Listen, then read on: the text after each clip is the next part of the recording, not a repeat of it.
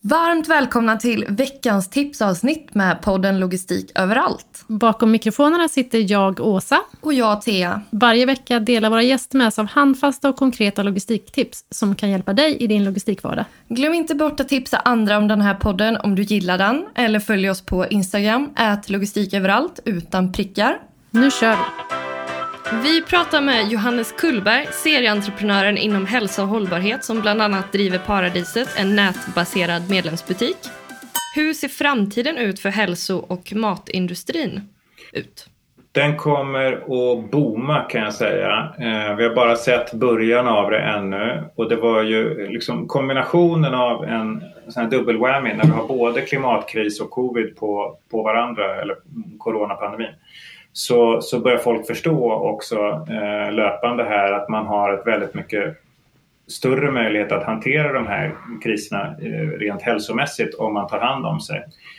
Hälso och matindustrin båda måste anpassa sig utifrån klimatförändringarna eh, så att det kommer att vara fokus på bra hållbar mat. Vilka utmaningar kommer vi människor mötas av när det kommer till framtidens mat? Hälsomässigt så måste vi börja äta mer naturlig mat. Vi kan inte fortsätta på det här spåret med, med det som jag kallar för fake mat eller ultraprocessad mat där det finns väldigt mycket energi men väldigt lite näring. Det måste bort. Vi måste gå tillbaka till riktiga råvaror, grönsaker, kött, fisk och så vidare. För vi, vi kommer att få, vi har en fetmaepidemi som, som håller på att gå eh, över hela världen och, och um, det, det funkar inte längre. Eh, vi måste också börja äta mer växtbaserat. Vi behöver inte äta helt växtbaserat. Jag är absolut inte vegan eh, men jag är väldigt stor vän av djurvård också. Vi måste börja ta hand om de djur vi har och de, de som vi äter ska fasen ha det bra och de andra ska få gå fria. Om vi tittar på framtidens hälsa, vilka utmaningar kommer vi mötas av där? Eh, där kommer det hända rätt mycket. Eh, vi måste bli i, idag går ungefär 3 av, av Sveriges eh, sjukvårdsbudget till preventiv hälsa och resten är till eh, liksom en, en 64 procent går till eh, att bota kroniska sjukdomar som är livsstilsrelaterade. Och vi måste bli mycket, mycket bättre på att eh, jobba preventivt eh, för att slippa hålla på och elda i, i pengar i onödan sen.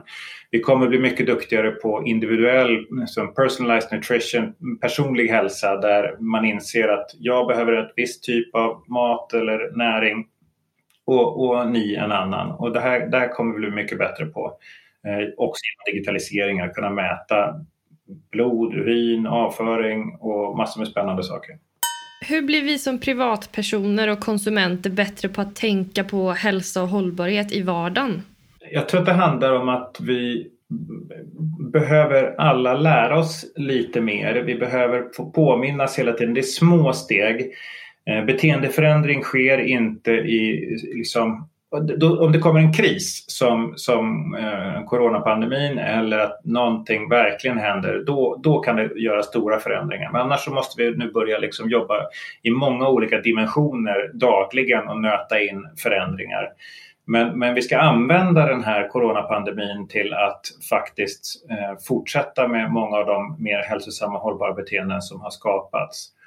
Men det här är någonting som jag försöker via mitt Instagram också att ge små dagliga små tips vad man kan lära sig. Men jag brukar tänka på, vi är människor, hjärnan har inte utvecklats på liksom 50 000 år och egentligen mer än så.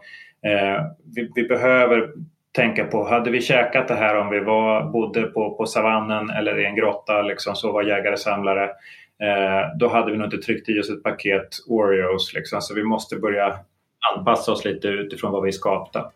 Tack Johannes. Tack. Vill du som lyssnar på det här bonusavsnittet höra mer om Johannes syn på om hur det är att ställa om fysiska butiker till digital handel så finns en fullständig intervju i avsnitt 20 av Logistik överallt med Johannes som gäst.